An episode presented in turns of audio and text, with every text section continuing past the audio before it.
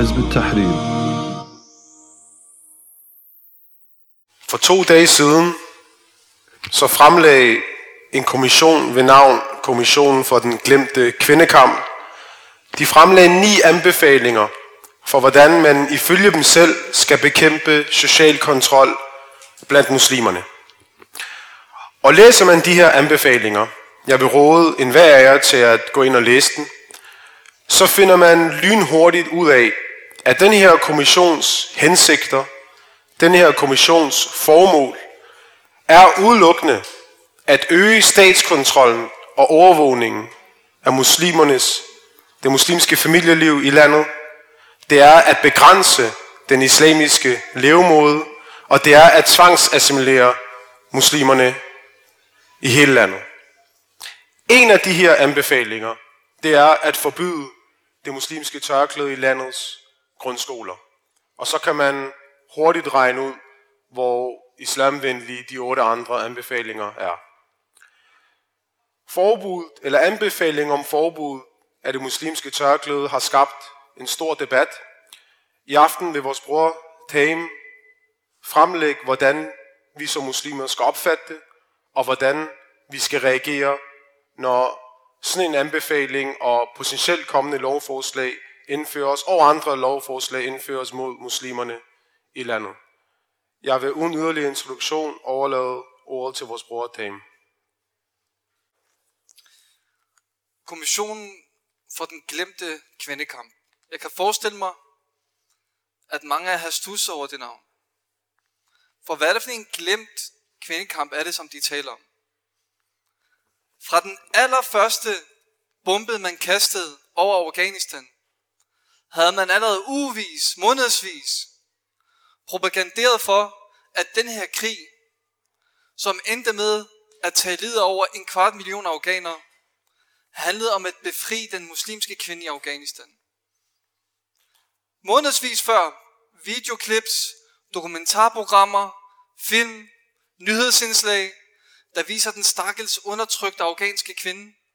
Og nu skal den hvide mand, prinsen på den hvide hest, tage til Asien, til Dorabora-bjergene, og befri den muslimske kvinde i Afghanistan. For hun har det ikke på, fordi hun ønsker det. Det kan hun ikke. En hver kvinde ønsker at leve og se ud og gå klædt som den vestlige kvinde. Alt andet giver ikke mening. Så så snart vi tager det over, så vil hun altså selv tage sin hijab af og tage sin burka af. Så snart vi fjerner Taliban. Og man fjernede Taliban ret hurtigt. Men de muslimske kvinder i Afghanistan sagde nej tak til de såkaldte vestlige friheder. Ellers tak, I kan beholde jeres promiskuitet, jeres kvindenedværdigende syn, I kan beholde det for jer selv. Vi er ikke interesseret. Og 20 år efter den krig, så er det stadigvæk tilfældet. Udgangspunktet, hver eneste gang de taler om en kvindekamp, at befri den muslimske kvinde, så er der et udgangspunkt. Og da den muslimske kvinde er undertrykt, og den muslimske mand er undertrykker. Og hvem skal befri dem? Hvem er frelseren?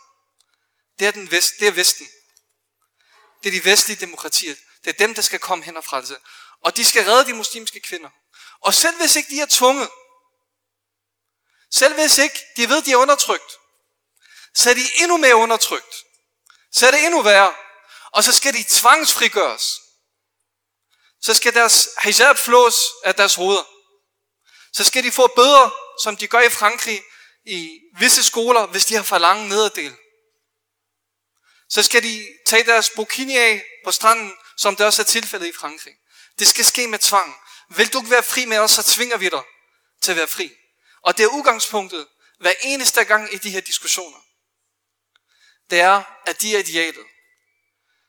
Og det, at man tyr til tvang, det, at man tyr til forbud, er i virkeligheden allerede her et tegn på, at man har tabt kamp.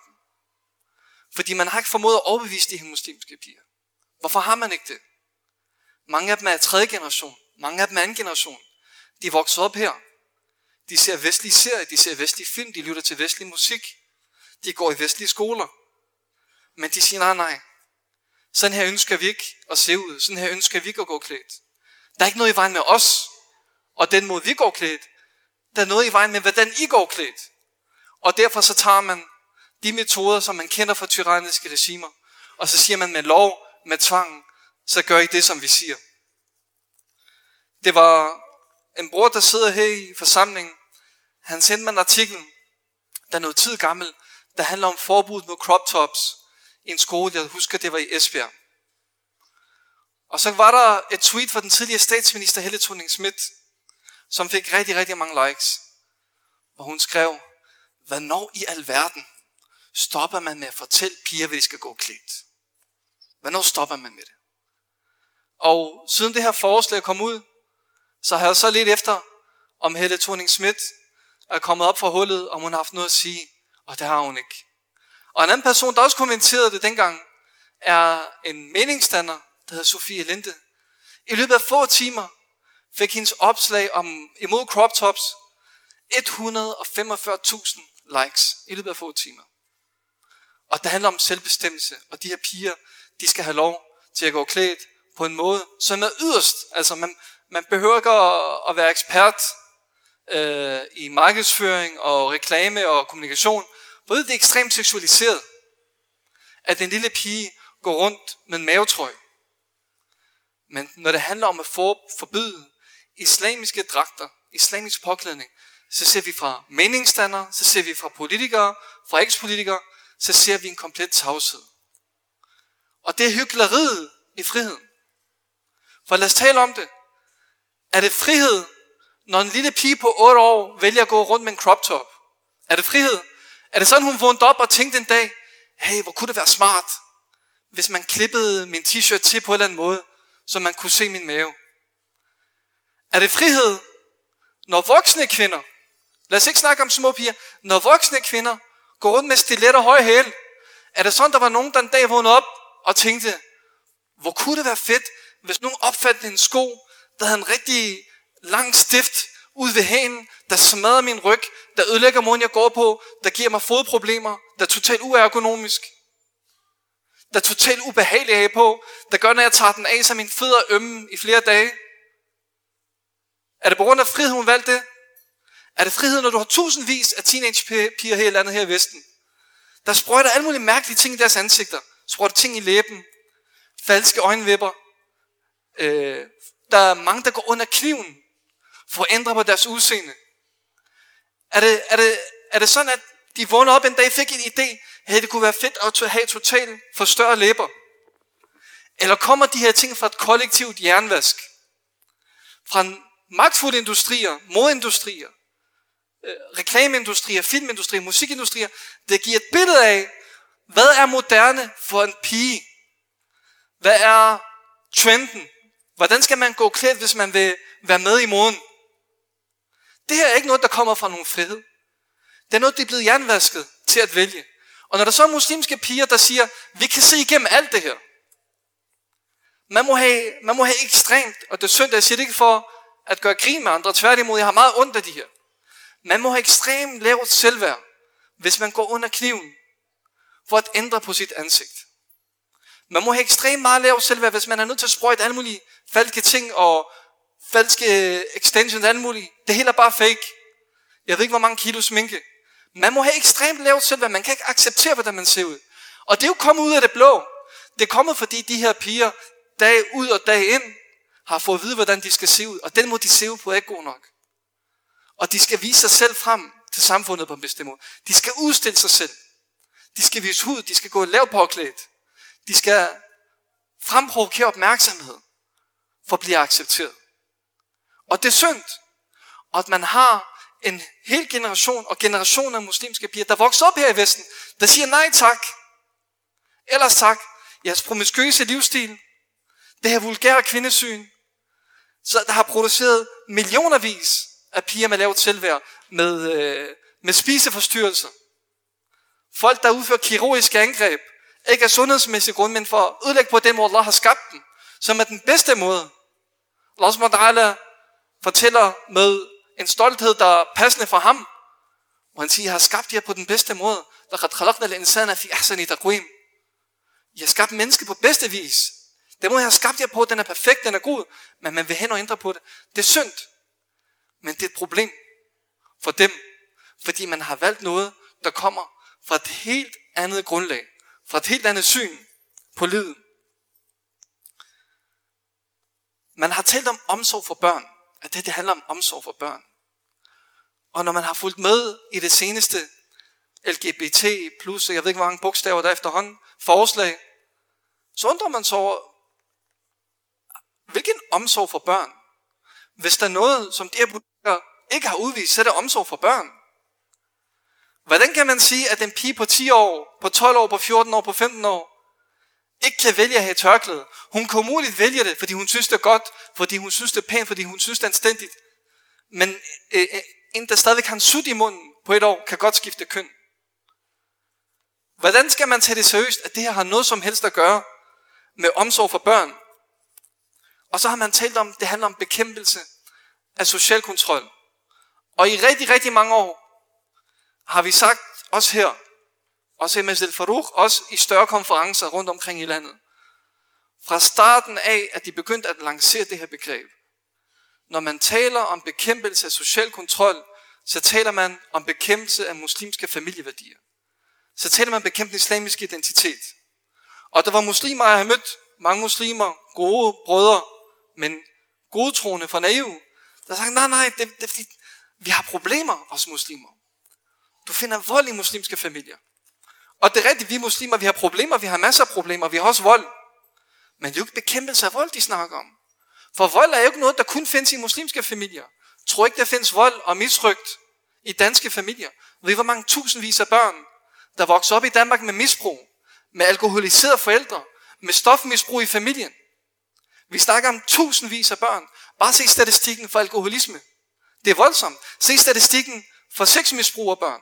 Det er voldsomt. Det har aldrig handlet om det. Og det er ikke noget, vi sagde dengang, fordi vi havde en eller anden krystalkugle, eller vi vidste noget om det usete. Det er fordi, at de erklærer det tydeligt. Og med det her lovforslag fra den her såkaldte kommission, gør man det klart, at social kontrol, det handler om, at vi siger i vores familie, i måden vi opdrager vores børn på, i vores familie, der har vi ikke kæresteri. Vi tror ikke på promiskuitet. Vi, øh, vi tager ikke til fester med druk, hvor der finder alle mulige skamløse ting sted, hvor folk graver på hinanden. Spørg bare Morten Østergaard, hvad der foregår til festerne. Det har vi ikke i vores kultur. Vi går anstændigt klædt, når vi går ud. Vi går klædt på den måde, som Allah subhanahu han befaler os. Siger de, nej, nej, nej, nu er det social kontrol. Men hvis danske forældre siger til deres børn, hey, hey, øh, Josefine, jeg tror ikke lige, du er gammel nok til at, og tage den her nederdel på. Ja, men far, jeg vil gerne have alle, der går med den på. Nej, nej, nej, nej, jeg synes ikke, du er. Det her det er ikke social kontrol, hvis danske forældre gør det. Det her det er bare, øh, det, det er bare børneopdragelse. Men når vi gør det, og det her det står direkte i den her kommissions anbefaling, der kommer for de her islamhadske mennesker. Fester bliver nævnt direkte som et punkt, at vi skal op i den muslimske familier til at tage til flere fester. Det er jo nævnt som et punkt i den. Fester. Hvor der ikke, hvor der ikke er noget som helst godt, der finder sted. Om man nævner islamisk påklædning specifikt, og selvfølgelig det her forslag. Og hvad man snakker om, det er synd for de her piger. Det tvang formanden for den her kommission. Hun sagde til journalisten, da han spurgte hende om, øh, omkring det her forslag, siger hun, gå, hen, gå dog hen til de danske skoler og spørg de muslimske tørklæde piger, hvor dårligt de har det, de bliver tvunget. Gå dog hen og spørg dem. Og hvor mange har du spurgt? Hvor mange har hun spurgt? Nul. Kommissionen har ikke talt med en eneste muslimsk pige. Ikke en. Da de kom med den, de her anbefalinger. Men man har spredt et falsk rygte, som er kommet forud selvfølgelig, om at de er alle sammen undertrykt. Det her syn, der er kommet på tørklædet i Danmark og Europa, det er ikke kommet ud af det blå. Det er ikke sådan, at nu skal jeg heller ikke generalisere den danske befolkning. Der er folk, der er imod forbud. Men det vi ser generelt i samfundet, at der er en negativ, et negativt syn på tørklædet. Det kommer ud af det blå. Det er, når du morgen og aften hører kvinderundertrykkelse og ser et billede af hijab. Hijab, kvinderundertrykkelse. Burka, kvinderundertrykkelse. Muslimsk mand, kvinderundertrykker. Niqab. Når du hører det morgen og aften, så bliver du programmeret. Det er kollektiv jernvask. Fordi hvis du går i en hvilken som helst dansk kirke, så har de statuer af hvem? De her statuer, det der skal, den der skal afbilde Maryam a.s. Jomfru Maria. Hvordan går hun klædt? Hun har tørklæde på. Men hvor mange forbinder det med undertrykkelse? Eller når kristne nonner går rundt, hvor mange har hørt, hvor mange har hørt nogen i Vesten sige, at nonner er undertrykte, fordi de går med tørklæde? Ingen. Så det er ikke noget, som den almene borger har fået ud af det blå. Vi snakker om overvis af forberedelse, inden vi overhovedet når til det her forbud. Og så kan den her løgnagtige kommission gå ud og sige, jamen de er bare tvunget alle sammen. Og nu så skal vi gå hen og tvangsfrigøre dem. Vi har snak, jeg har snakket lidt om dem. Jeg vil gerne have, at vi snakker lidt om os nu. Fordi der er mange muslimer, og alhamdulillah, det er et godt tegn, at muslimer reagerer, og muslimer er vrede. Men så er der nogle forskellige forklaringer på, hvorfor går vi med tørklæde. Så lad os have den her samtale. Hvorfor er det, som vi går med hijab? Hvorfor er det vores søstre, vores mødre, vores næser, vores kusiner, de muslimske kvinder? Hvorfor er det, de går med hijab? Og grund til, at de går med hijab, det er fordi, de har set lyset. Og med lyset mener jeg ikke øh, den danske kliché, det danske udtryk, jeg har set lyset, og jeg er kommet fra mørket. Eller jo, det mener jeg også. Men jeg mener bogstaveligt talt, de har set lyset, surat nur. Den sura, der hedder lyset. Det er den sura, der er kommet med befalingen om at tage khimar på. Men inden jeg taler om surat nur, vil jeg tale om en sura, der kom flere år, mange år før surat nur. Den er grundlaget, inden vi taler om hijab, inden vi taler om jilbab, så har islam allerede en, der mens muslimerne, en, en påbud om, hvordan vi detaljeret skal gå klædt, så kommer Allah subhanahu et syn på, hvad det vil sige at være et anstændigt menneske. Og Allah subhanahu taler i Sud al-Araf, som blev åbenbart i Mekka, om vores far Adam a.s. og vores mor Hawa, da de var i Jannah, og shaitan sagde til dem, at de skulle spise fra træet, så siger Allah subhanahu wa ta'ala, فَلَمَّا ذَاقَ الشَّجَرَةَ بَدَتْ لَهُمَا سَوْآتُهُمَا وَطَفِقَا يَخْصِفَانِ عَلَيْهِمَا مِنْ وَرَقِ الْجَنَّةِ Så snart de spiste af træet, de blev lukket af shaitan, hvad skete der så? Så blev deres nøgenhed blottet. Allah han bruger ordet sawa her, som er kønnet, det er et negativt, det er et negativt udtryk for nøgenhed. Hvad gjorde Adam og Hawa, da de blev blottet? Instinktivt. Uden der kom en ære ned fra Allah SWT, uden der kom et påbud, hvad gjorde de? De tog blade fra Jannah, satte dem sammen og begyndte at dække dem til i lag. For de er også mennesker instinktivt. Det er vores natur. Det er, at vi dækker os til. Det er, at vi går anstændigt klædt. Og efter så siger Allah subhanahu wa ta'ala, Ja bani Adam, la yughrannakum shaitan, كما أخرج أبويكم من الجنة ينزع عنهما لباسهما ليريهما سوآتهما Åh Adams børn, det er vores forældre, han lige har talt dig med Hawa. Nu taler han til os, deres børn. Lad ikke forføre af shaitan. Da den her kom ned i Mekka, der var det også ramt af skamløshed, ligesom det her samfund. Man gik rundt med uanstændig påklædning. Selv rundt om Garbaen gik man i Quraysh halvnøgne. Og så siger Allah subhanahu lad ikke forføre shaitan, som da han fik jeres forældre ud af Jannah, han tog deres klæder fra dem, for at de skulle se på hinandens nøgenhed. Det er der alle problemerne starter. Ja, bani Adam, qad anzalna alaykum libasan yuwari sawatikum warisha. Og Adams børn, vi har nedsendt til jer klæder, der dækker jeres nøgenhed. Og fjer og risha. Hvad fjer? Araberne, de plejer som pynt at tage et fjer på. Så den firmens pynt, vi har sendt klæder, pynt, flot tøj, tøj i forskellige farver og forskellige designs, der dækker jer, der, der, der, der, der, der gør, I fremstår som anstændige mennesker med værdighed.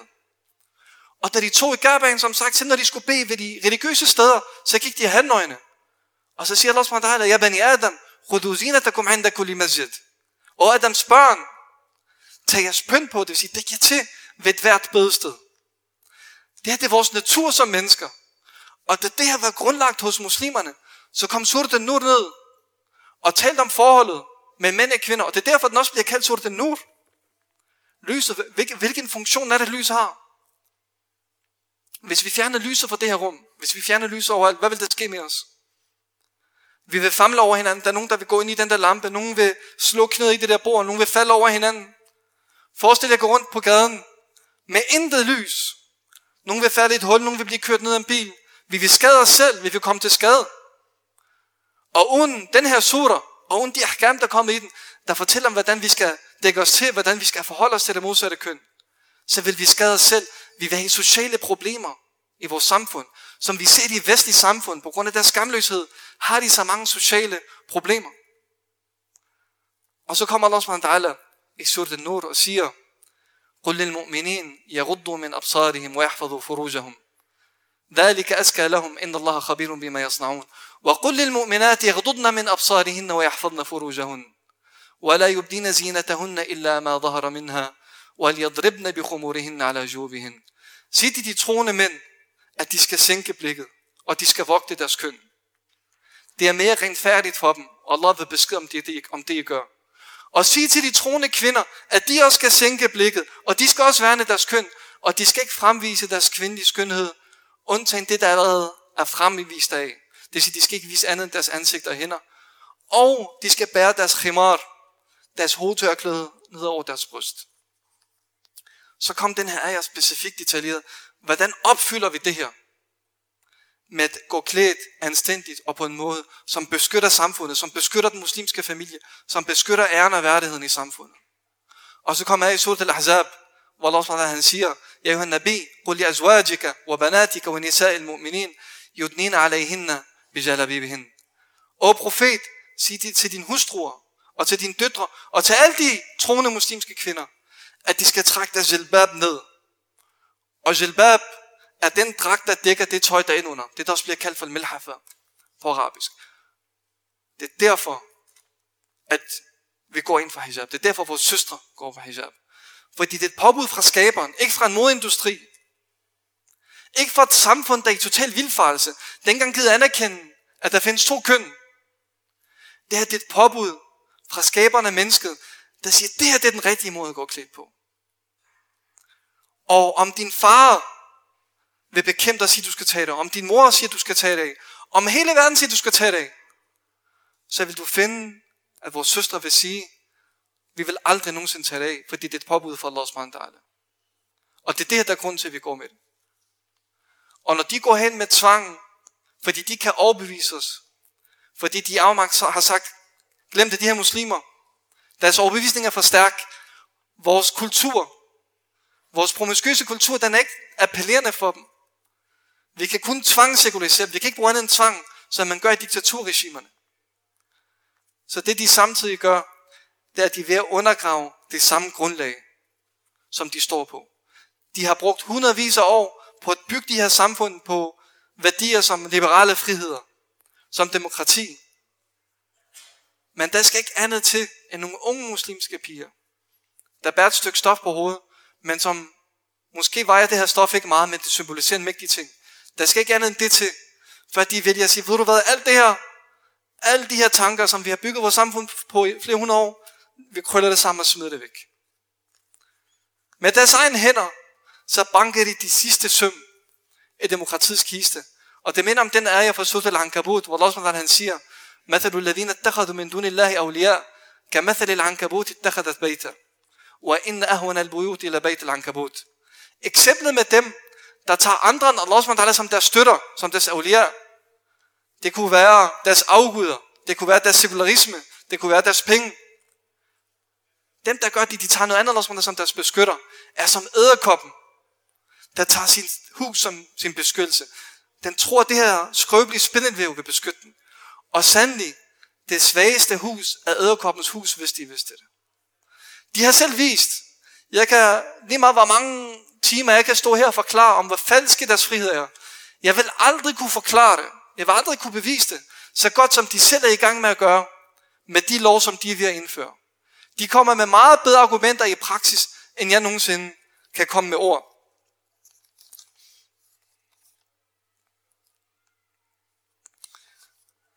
Og et eksempel, som det også minder om, det er fortællingen, som profeten sallallahu alaihi wasallam har talt om. Den kendte fortælling om den unge dreng, der valgte at trods sin konge, som påstod, at han var Gud på jorden. Og den her konge kunne dræbe den her dreng. Og så sagde drengen, hvis du vil dræbe mig, så saml alle menneskerne, og inden du affyrer pinen imod mig, så skal du sige, Bismillah Rabbil Ghulam. I Allahs navn, drengens herre. Og da kongen gjorde det, så dræbte han drengen. Og han troede, han havde vundet kampen. Men så gik det op for ham, efter han havde faktisk tabt kampen.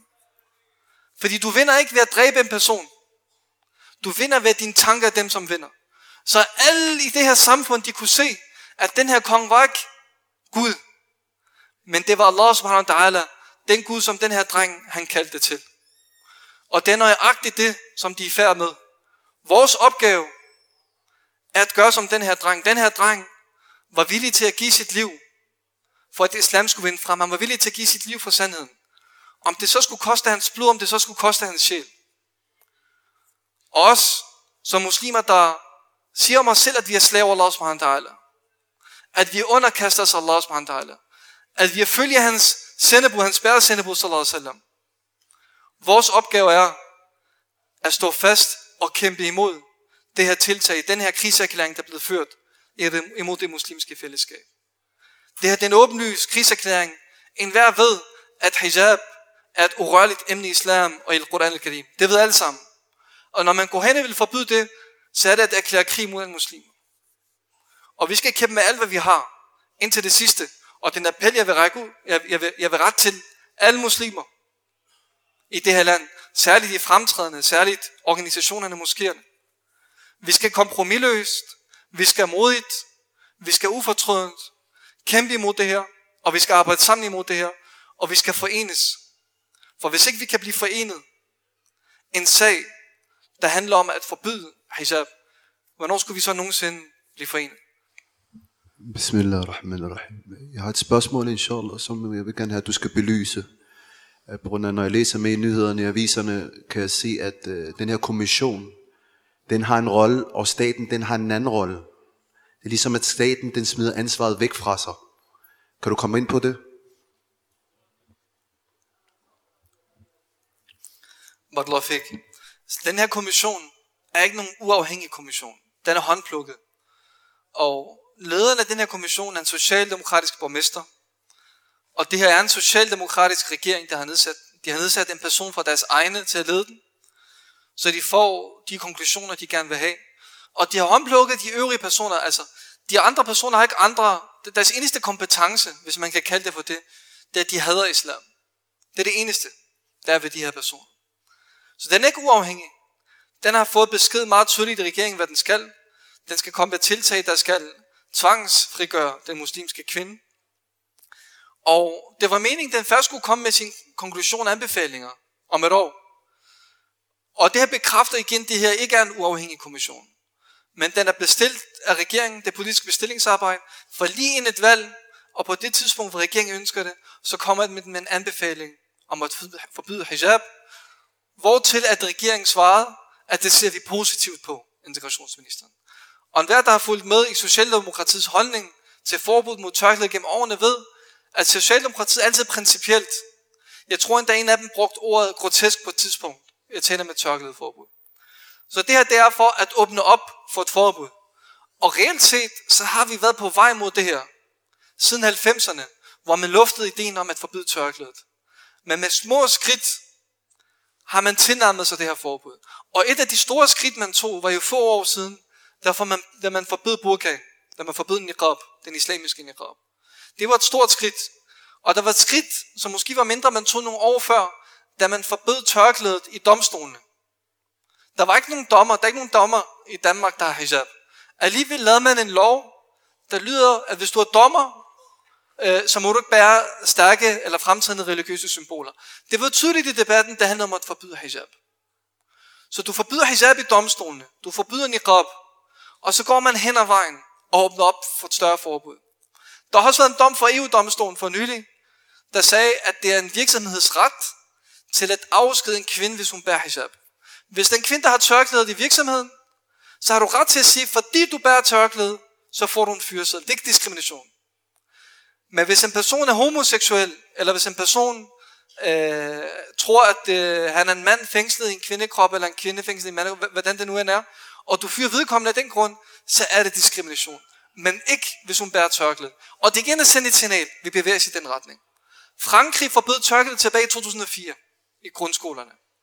Og i sidste år, 2021, så var der en afstemning om at forbyde tørklæde for alle, der under 18 år i Frankrig. Og det, det er meget interessant, at Frankrig er landet, der har gået forrest. Fordi Frankrig er kendt for at være liberalismens land. De mener selv, at de er den europæiske kultur og civilisation, den, dens vugge. De tror på friheder, og de har den franske modindustri som udstiller kvinder nøgne. Men de går forrest i at tvangsafklæde muslimske kvinder. Og ifølge fransk lov, så kan en kvinde godt vælge at have seksuel relation, inden hun er 18. Det man kalder den seksuelle lavalder. Så hvis hun for eksempel, så hvis hun er 16, er hun gammel nok til at lave zinder, til at begå hår. Men hun er ikke gammel nok til at vælge at gå med tørklæde. Så tørklædet mener man er noget store, større, end at indgå i seksuelle relationer med andre. Øhm, så det er tydeligt. Og Danmark har jo også et ry jo. Danmark har, vil, der er aldrig nogen, nogen, der vil beskylde Danmark for at være vuggen for europæisk kultur og civilisation. Men Danmark mener selv, at de altid har været et forgangsland, når det gælder det, de kalder for frisind. Skandinavisk dansk frisind. Vi er de første, siger de, der, der tillod pornografien. Vi går op i frisind her. Men det er kun frihed til at være nøgen. Det er ikke friheden til at være anstændig påklædt. Og den her aversion, man ser, den her afskyhed, og igen, jeg generaliserer ikke, den, den, øh, et mindretal af befolkningen, der har den, men den er ikke kommet ud af det blå. Man har, ah, man har set i interviews, hvor folk siger, ah, når nogen går med tørklæde, det brænder i mig. Jeg, jeg kan mærke det under min negle, jeg kan ikke holde det ud. Det er imod menneskets natur, det her. Som jeg forklarede den her ayah med Adam og Hawa, Menneskets natur er, er en stændig påklædning. Men man har ødelagt deres natur. Og det mener om Lut a.s. folk, der sagde, Akhrijuhu min qaryatikum, innahum unasun yatataharun. Luts folk, de sagde, smid Lut hans familie ud af vores by. Hvorfor? Fordi dit folk, der vasker sig selv, de gik i bad og vaskede hænder. Så er de væk med det der. Det er sådan noget, hvad er det noget mærkeligt noget? At være renlig og at vaske sig selv. Og det, der bør være udgangspunktet for menneskelig natur, det er, at man siger, åh, den her kvinde, hun er anstændig klædt. Hvor er det fedt. Hun udtrykker en selvrespekt. Øh, og nogen vil, blive måske, vil måske være provokeret det, jeg siger. Siger du, man ikke har selvrespekt, øh, hvis man går lidt påklædt? Lad hver person tænke over det her. Lad os sige, at du er, at, at du er til en jobsamtale. Du holder en jobsamtale. Og der kommer en person til en jobsamtale, en kvinde, og hun har en bikini på. Hvor mange vil tænke, wow, hun har virkelig respekt for sig selv, hende her. Hende må vi have landet. Selv, selv en almindelig europæer, selv en almindelig vestlænding, vil tænke, der er et eller andet galt her. Og vil tænke, der, det, er ikke, det er ikke passende, det er ikke anstændigt at komme til en jobsamtale med bikini. Og en vestlig kvinde vil heller gå til en jobsamtale med bikini. Hvad tager hun på? Hun tager, hun tager noget tøj, der er dækkende. Fordi du skal forholde dig til hendes intellekt. Du skal se hende i øjnene. Du skal høre på, hvad hun har at sige. Og det sikrer hijab, garanterer hendes værdighed. Og sikre hendes værdighed. Det er en smuk ting. Så derfor, når du har muslimer, der siger, muslimske søstre, der siger, at jeg går med hijab, fordi jeg har lyst. Det er derfor, jeg går med det. Og det er ikke fordi, at øh, det er forkert, altså, øh, der er noget teknisk forkert, det siger, at de har lyst. Selvfølgelig er det, fordi du har lyst. Øh, det siger sig selv. Men det er jo mere end, end bare, jeg har lyst. Det er fordi, at det her tørklæde symboliserer en mægtig ting. Det symboliserer den islamiske identitet. Det symboliserer måden, som Allah vil have du udad til, skal præsentere dig selv for verden. Hvordan vil du præsentere dig selv for verden som kvinde? Det er det, som hijab er. Det er derfor, du går klædt på den her måde. Jeg tror, der er ikke noget tvivl om, øh, om, at vi alle sammen er bekymrede over, at det her det kan blive en realitet i fremtiden. Mit spørgsmål er, hvis det her det bliver en realitet, hvor man forbyder tørklæde i grundskolen, hvad skal vi så gøre, Janne, sådan rent praktisk? Hvordan skal vi reagere? Uh, og, uh, og hvor meget kan vi gøre som en muslims fællesskab, når, når vi har med en stat at gøre? Det vil sige, det er også muslimer her mod en stat, hvis du kan komme ind på det her. Først og fremmest vil jeg lige sige en vigtig ting. Og det er, der er ikke noget, der garanterer, selvom at regeringen har udtrykt et ønske, og den har sat det her i scene, er der ikke noget, der garanterer 100%, at det vil munde ud i et decideret forbud. Man bruger den her kommission til at teste reaktionen ud i samfundet. Så der er en mulighed for, at hvis det muslimske fællesskabs reaktion er stærk, og inshallah den bliver stærk, at de vil tænke sig om igen og trække det her i land. Og det er det vores forhåbning. Om det sker eller ikke sker, Allah alam. Men det er det vores forhåbning. Så det er det begyndelsen på en længere proces, og det er derfor, vi især i den her begyndelse skal slå hårdt til. Fordi hvis det når dertil, at man allerede har fået nogle jurister til at udarbejde et lovforslag, der ikke strider med grundloven, så er det for sent til at trække i land. Øh, så det er allerede nu, at vi skal gå hen og, øh, og bekæmpe det med alt, hvad vi har. Øhm, når det gælder, hvad gør man, hvis det bliver en realitet i praksis? Og der vil jeg sige, jeg har ikke det totale svar. Øhm, men der er alternativer, som de vestlige medier selv har luftet ud. Der er noget, der hedder hjemmeskoling. Øh, noget, der vil være meget bedre end hjemmeskoling, det er, at muslimerne kollektivt udfører en civil ulydighed, nægter at smide hijab. Hvordan vil man i praksis indføre et forbud, hvis alle muslimske piger og deres forældre siger, glem det, til helvede med os forbud. Vi tager, vi tager Hvordan skal du indføre? Skal du smide alle forældre i fængsel? Øh, så skal du gøre ligesom Xinjiang og bygge nogle rigtig, rigtig store uddannelseslejre. Øh, skal du give alle sammen bøder? I, i praksis så vil loven være umulig at føre. Og det, det her vil være den ideelle muslimske reaktion, øh, hvis det skulle ske. I forhold til det, han stadig imod dig. Og det er det, det sørgelige. Kampen imod islam er kommet til os. Der er mange muslimer her i landet og Europa, der ikke ønsker en kamp, og det er også fint at man ikke ønsker en kamp. Men kampen, om du vil det eller ej, den er kommet til dig. Og enten så kan du bukke under, eller du kan slå tilbage og kæmpe tilbage. Der er, der er ikke en anden vandmulighed. Den er kommet. Det er alle muslimer, som den her kriserklæring er rettet imod. Der er ikke nogen muslim, om de er sufi eller salafi, om de er shia eller sunni, der vil sige til dig, hijab ikke er en mægtig pligt for Allah subhanahu Og vi vil ikke acceptere, at vores søstre, vores børn, vores mødre ikke har retten til at gå klædt i det. Du har forfølgelse fra Kina imod muslimer, fra Indien imod muslimer, fra Myanmar, og du har selv Lilleput Danmark, som har valgt at være foregangsland, et internationalt foregangsland i kamp mod islam. Afbrænding af Koran, karikatur af profet Muhammad sallam, tørklædeforbud.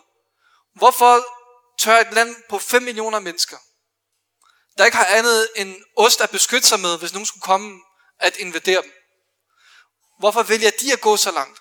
Og det er fordi, at vi muslimer ikke har en stat, der kan slå i bordet og sige, I skal ikke røre ved hijab. Vi så reaktionerne med omskæring, hvordan den amerikanske stat reagerede, hvordan jødestaten reagerede. Men vi muslimer har ikke en stat, der reagerer. Vi er overladt til ulvene. Og vi er overladt til Allah subhanahu wa Og det er, den, det er den vigtigste ting, vi husker. Da det kan godt være, at de har en stat, og de har penge, og de har kommissioner, og de har efterretningstjenester. Vi har Allah subhanahu wa ta'ala. Og Allah subhanahu wa ta'ala, der er herskeren over universet, det er ikke dem. Og for at have Allah på vores side, så det er det, det handler om. Det handler om, at vi skal have Allah på vores side. Og vi får kun Allah på vores side, hvis vi udtrykker os på en måde, og handler på en måde, der harmonerer med islam. Der er folk, der øh, ønsker at lave arrangementer, øh, er ønsket om at fagne bredt, så siger man, jamen vi ønsker, vi er imod tørklædeforbuddet, men det handler om frihed det her. Det handler ikke om, at det er en pligt for os muslimer, øh, en, en ret vi ikke vil, vil øh, gå på kompromis med. Fordi vi vil gerne fagne bredt. Lad os få alt med. Lad os få seksuelle minoriteter også med. Lad os få LGBT med. Lad os ændre i vores måde at snakke til, så alle føler, at det her det er deres. Og vi har ikke et, der er ikke noget i vejen med, at man siger, at vi holder demonstrationer, og alle er velkomne, om du er artist, om du er jøde, om du er kristen, alle er velkomne til at være, en del, til, til at være med. Det er der ikke noget i vejen i. Men at man i ønsket om at fagne så bredt som muligt, ændrer på sine budskaber, ikke udtrykker Koran klart og tydeligt. Det her problemet ligger. Fordi vi er nødt til at have Allah subhanahu på vores side. Der var desværre det, vi, vi, vi der var nogle lignende tendenser under niqab-forbuddet, hvor der blev holdt en, en, en demonstration under niqab-forbuddet, hvor at det var trist, der kom en masse, en masse mennesker, de har ikke noget med islam at gøre. Og det handlede ikke om, at det her var en islamisk hukum. Der var folk til den her demonstration, der havde niqab på, og så var de topløse, astaghfirullah. Øh, jeg har to spørgsmål. Det ene spørgsmål, det er, at du, øh, du nævner, at vi skal bekæmpe med, eller vi skal kæmpe med alt, hvad vi har. Kan du uddybe, hvad, hvad det er? Øh, og så var der også det her med, at, at rent praktisk, at vi skal organisere os, vi skal hvad hedder det, forene os i den her kamp også, altså muslimerne i Danmark. Øh, og så igen, hvad skal vi øh, hvad hedder det, som personer gøre i det her? Altså hvad er vores opgave? Vi skal, vi skal benytte os og tænke i alle midler, alle fremgangsmåder, så længe de er overensstemmelse af islam. med det formål at sende et budskab om, at vi muslimer vil ikke acceptere et hijab-forbud. Vi har ikke tænkt os at adlyde det, hvis de skulle, hvis de skulle gøre. Vi vil gøre, vi, vi vil gøre alt for at udvise vores intolerance, vores manglende accept af og den her kriserklæring, der bliver ført imod. Øh, så kreativt, så, så kreativ, som vi overhovedet kan tænke os. Så længe det selvfølgelig overholder de islamiske principper. Øh, vi skal arbejde organiseret, vi skal arbejde målrettet. Øh, det kræver en kollektiv opgave. I forhold til dit spørgsmål om, øh, hvad Hazib, gør for, hvad Hazib vil gøre for at, øh, at forene, Øh, det er noget, som vi allerede har været i gang med fra, fra første øjeblik, at den her kommission kom ud. Og det er rækket ud til det muslimske fællesskab og de andre øvrige muslimske organisationer. Øh, hvor, vores udfordring, øh, og det er ikke noget, som vi ser som noget, som noget negativt, det er Allah subhanahu sunnah, at den person, der siger sandheden offentligt, vil, vil, vil kunne få at prøve at isolere islams fjender, vil prøve at isolere dem og skabe frygt omkring dem. Og der er en berøringsangst, det er ikke nogen hemmelighed blandt de muslimske organisationer, om at samarbejde med Hizb tahrir fordi de er bange for at få stemplet som ekstremister. Øh, og det er noget, vi, øh, vi kan ikke gøre andet. Vi kan, vi kan ikke tvinge nogen til at arbejde med os. Øh, men vi går vores yderste til at, øh, at række hånden ud til dem, til at appellere til dem. Øh, og dem er, dem af dem allerede nu, som har sagt, at de ikke vil samarbejde med os, der har vi givet dem vores nasiha, vores råd, om hvordan den rigtige måde at arbejde på, hvilke budskaber de bør fokusere på, og give dem forslag til, hvordan de bør handle. Og det her arbejde er stadigvæk i gang. Øh, og den her opgave er noget, som alle her også er en del af. Alle her har folk i deres netværk, en lokal moské, en lokal bestyrelse, en lokal imam, nogen, som de kan række ud til øh, og snakke. Så på, på hvilket som helst niveau, om det er på måske... Hurtigt spørgsmål. Jeg ved, øh, du ved, jeg har ikke en eller anden øh, undersøgelse, stor undersøgelse om, hvordan øh, befolk- situationen i befolkningen ser ud osv. Men øh, altså, ud fra egen, altså fra egen, hvad skal man sige, øh, øh, altså det man selv har prøvet, ikke? Altså, altså, og det man selv har læst til fra danske forskere, foreninger osv., så, videre, så virker det som om, at der ikke er rigtig stemning for det i den danske samfund lige nu. Det er som om, at Socialdemokratiet har, har, har smidt det her ud i, som du siger, for, for at prøve det, men, men, men det, er ikke rigtig, det er ikke rigtig fået sådan, øh, altså, den effekt, de gerne vil have, hvor ligesom man tænker, at det, det er frihedens kamp. Ikke? At det virker som om mere, at hvis du hører på de fleste danske forskere, sådan noget, der, der, der ligesom øh, kører ned på det, og det samme, hvis, du, hvis man læser i kommentarfelter, eller selv på min arbejdsplads, når jeg snakker med den almindelige danskere, der, der, han, der er de meget imod det. Ikke? At de, de virker lidt for ekstremt for dem, at, at man går ind og forbyder. Ikke? Kan... Øh, det korte svar er nej, det vil jeg ikke mene, at, at, at, øh, at de har trukket den for langt. Øhm, det er en regering, der er meget kalkuleret. Det er ikke nogen dum regering. Og øh, de, de reaktioner, der kommer, der er kommet fra det jødiske samfund, der er kommet fra skoleledere, det er ikke noget, der er overraskende, og det er heller ikke noget, der overrasker den. Men de ved også godt, hvordan de skaber opinion. Og de ved også, at de altid har medierne på deres side, når de vil gå i gang. Men de starter med først at få reaktionerne. Hvis vi, hvis nu, hvis vi nu tager det her nye lovforslag om, at, at børn ned til 0 års alderen kan skifte køn, hvis vi bare sagde 5 år siden, ikke 20 eller 30 år siden, hvis en politiker kom med det her forslag 5 år siden, hvordan vil reaktionen være i den danske offentlighed? Folk vil sige, at den her politiker, politiker skal tvangsindlægges i psykiatrisk afdeling. Og det er kun 5 år siden. Så stemningen kan man ændre. Da det gælder burkaforbuddet, niqabforbuddet, et par år inden, der var det det konservative, der var i regeringen. Og det var et konservativt medlem, der var justitsminister. Og der blev forbuddet mod niqab rejst. Og der sagde Justitsministeriet, det er ikke muligt at gennemføre et niqab-forbud i Danmark. Det vil gå imod grundloven. Det her var kun to år, som jeg husker, kun to år, før at øh, den, øh, den efterfølgende regering lykkedes med at indføre et niqab-forbud. Så tingene, de kan sagtens forme opinion. Så to år før var det imod grundloven, og det var muligt, men to år efter kunne man lige pludselig godt gennemføre det. Hvad var det, der skete imellem de to år? Det, der skete mellem de to år, det var, der var en EU-domstol, der godkendte Belgiens øh, niqab-forbud, og sagde, at det var ikke i strid med demokrati og de vestlige friheder. EU-domstolen e er lige så tyrannisk, øh, som de her vestlige regeringer. Den afspejler kun dem. Så de ser på de her reaktioner. De ser på, hvordan det, hvor, hvorfor en er det muslimske fællesskab. Hvordan reagerer de? Og de vil gå stille og roligt frem. De har et ønske, og der har de haft, siden 90'erne har der været et udtrykt et ønske om at forbyde hijab i skolerne. Og det er ikke noget, de bare har tænkt sig at stoppe med. Men den her kan de, der er ikke nogen, Der er ikke nogen risiko for dem ved at udpege den her kommission. Og, og, og gøre det til en prøveballon, eller lade, lad konklusion komme ud og se reaktionerne. Det er helt standard. De er utrolig kalkuleret. Så nej, vi skal ikke tro på nogen som helst måde, at de ud fra det her tænker, er, er overrasket, eller chokeret, eller får dem til at tøve. Øhm, de øvrige partier har heller ikke, vi ved, at det her emne er ikke kontroversielt i blandt flertallet af Folketingets partier. Du har Socialdemokratiet, der har udtrykt et støtte til et forbud. Vi ved, hvor Nye Borgerlige står. Vi ved, hvor øh, det øh, dybt ideologiske parti, øh, Danmarksdemokraterne, står. Vi ved, hvor Venstre står. Vi ved, hvor Konservativ står. Vi ved, hvor SF står i bund og grund, fordi hvem var medlem af den her kommission? Hvem er medlem? Det er en ordfører fra SF, der også er medlem af den her kommission, der anbefaler et tørklædeforbud. Så du har et bredt folkeligt parlamentarisk flertal. Man har i årtier øh, skabt et billede af, at tørklædet er undertrykkende hos den danske befolkning. Så når, hvis man, hvis man, når, så snart de er blevet enige, at de har en drejebog klar, og de ikke føler, at reaktionerne er alt for voldsomme, så kan de sagtens gå i gang med den opinion. Og så skal medierne nok hjælpe dem med at lave historier. Nu var der nogle, nogle nyhedsartikler, der interviewede nogle piger i gymnasiet, der sagde, at det er vores eget valg, og nogen fra folkeskolen. Fra den, ene, fra den ene dag til den anden. Og når man har fulgt med i danske medier gennem årene, så har man set det her mønster. Fra den ene dag til den anden. Så de eneste artikler, I vil finde, der er lille Fatima, øh, øh, har det ikke godt med tørklæde. Øh, eller en anden en, der har taget tørklæde dag, hun er 30 år, og siger, jeg blev tvunget af mine forældre til at de her historier, der vinder indpas. Der er ikke kritiske medier i, øh, i det her land.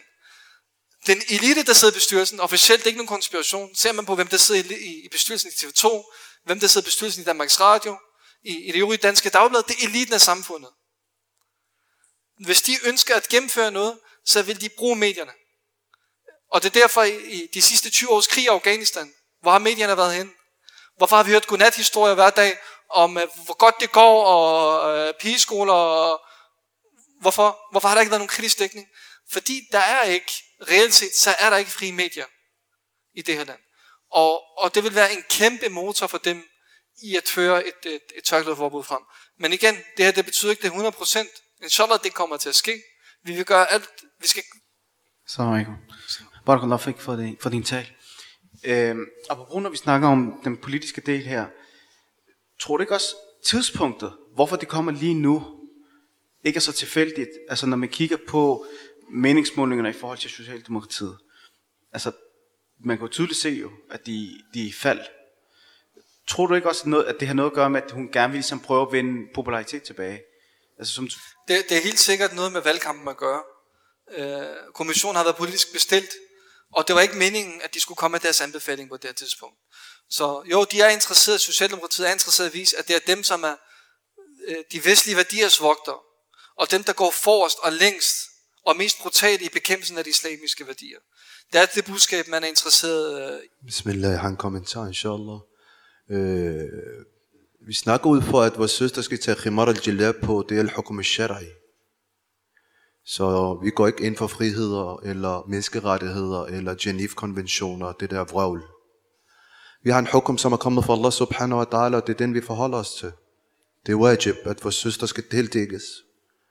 Og at vores søstre, de skal søge stolthed i islam.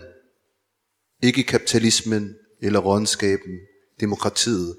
Demokratiet med andre ord, det er en 80-årig gammel dame med makeup. Når du skyller det væk, så kommer hans rynker frem. Sådan er kapitalismen. Derfor, øh, vi muslimer, vi søger ikke omsorg hos kuffar. Vi søger ære i islam. Det er islam, der styrker os. Så når Hizb tahrir i dag tager det her emne op, så er det ikke kun wajib for Hizb tahrir at snakke om det her. På hijab, det er ikke kun wajib for Hizb tahrir. Det er wajib for muslimske kvinder. Det er islam, det her vi snakker om. Den islam, som vi har ansvaret for. Den islam, som vi skal beskytte.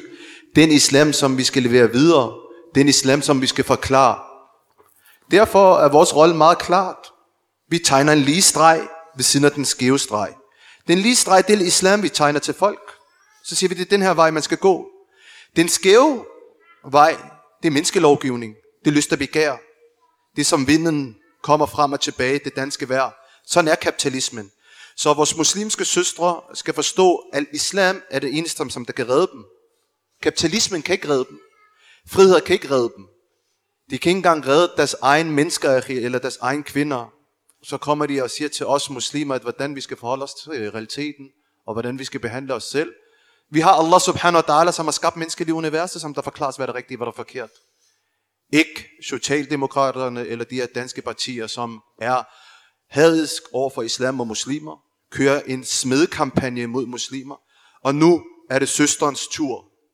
Altså, derfor skal vi være meget klar fra... Jeg vil, jeg vil bare lige, øh, uh, Bartolo fik, jeg vil lige komme en, uh, en pointe, der synes, jeg, synes, jeg synes, der er vigtig. Og jeg, det er rigtigt, jeg giver dig helt ret. Uh, det er ikke fordi, at uh, vi går ind for absolut frihed, at øh, vi siger, at man skal tillade, øh, tillade muslimer at gå med hijab. Øhm, men Allah subhanahu da han skabte os og satte os på den her jord, så ønskede han også mennesker, at vi skal være fritænkende mennesker. Og de muslimske søstre, der bærer hijab, de er fritænkende mennesker. Og det er derfor, de bliver bekæmpet. De har valgt at sige, vi kan ikke følge moren, vi kan ikke følge strømmen, den offentlige opinion.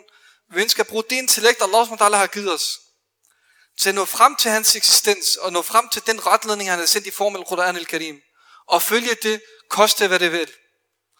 Inden det her, inden det her forbud, hvor søstre lever med konsekvenser hver dag, når det går med hijab. Diskrimination på arbejdspladser, diskrimination på skoler, skældsord, nedsættende blikke. Ting, som vi brødre ikke oplever. Og vi ved, at kujonerne blandt racisterne, de går efter de svage ofre for dit kujoner og angriber dem. Så de har noget med de her konsekvenser altid. Så de er fritænkende, øh, fritænkende mennesker.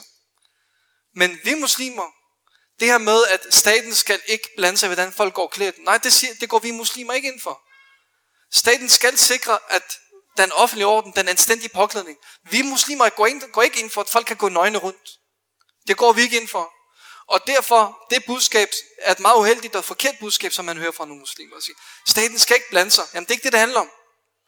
Staten skal ikke blande sig i at flå tørklædet, i at tage den anstændige påklædning af muslimske piger.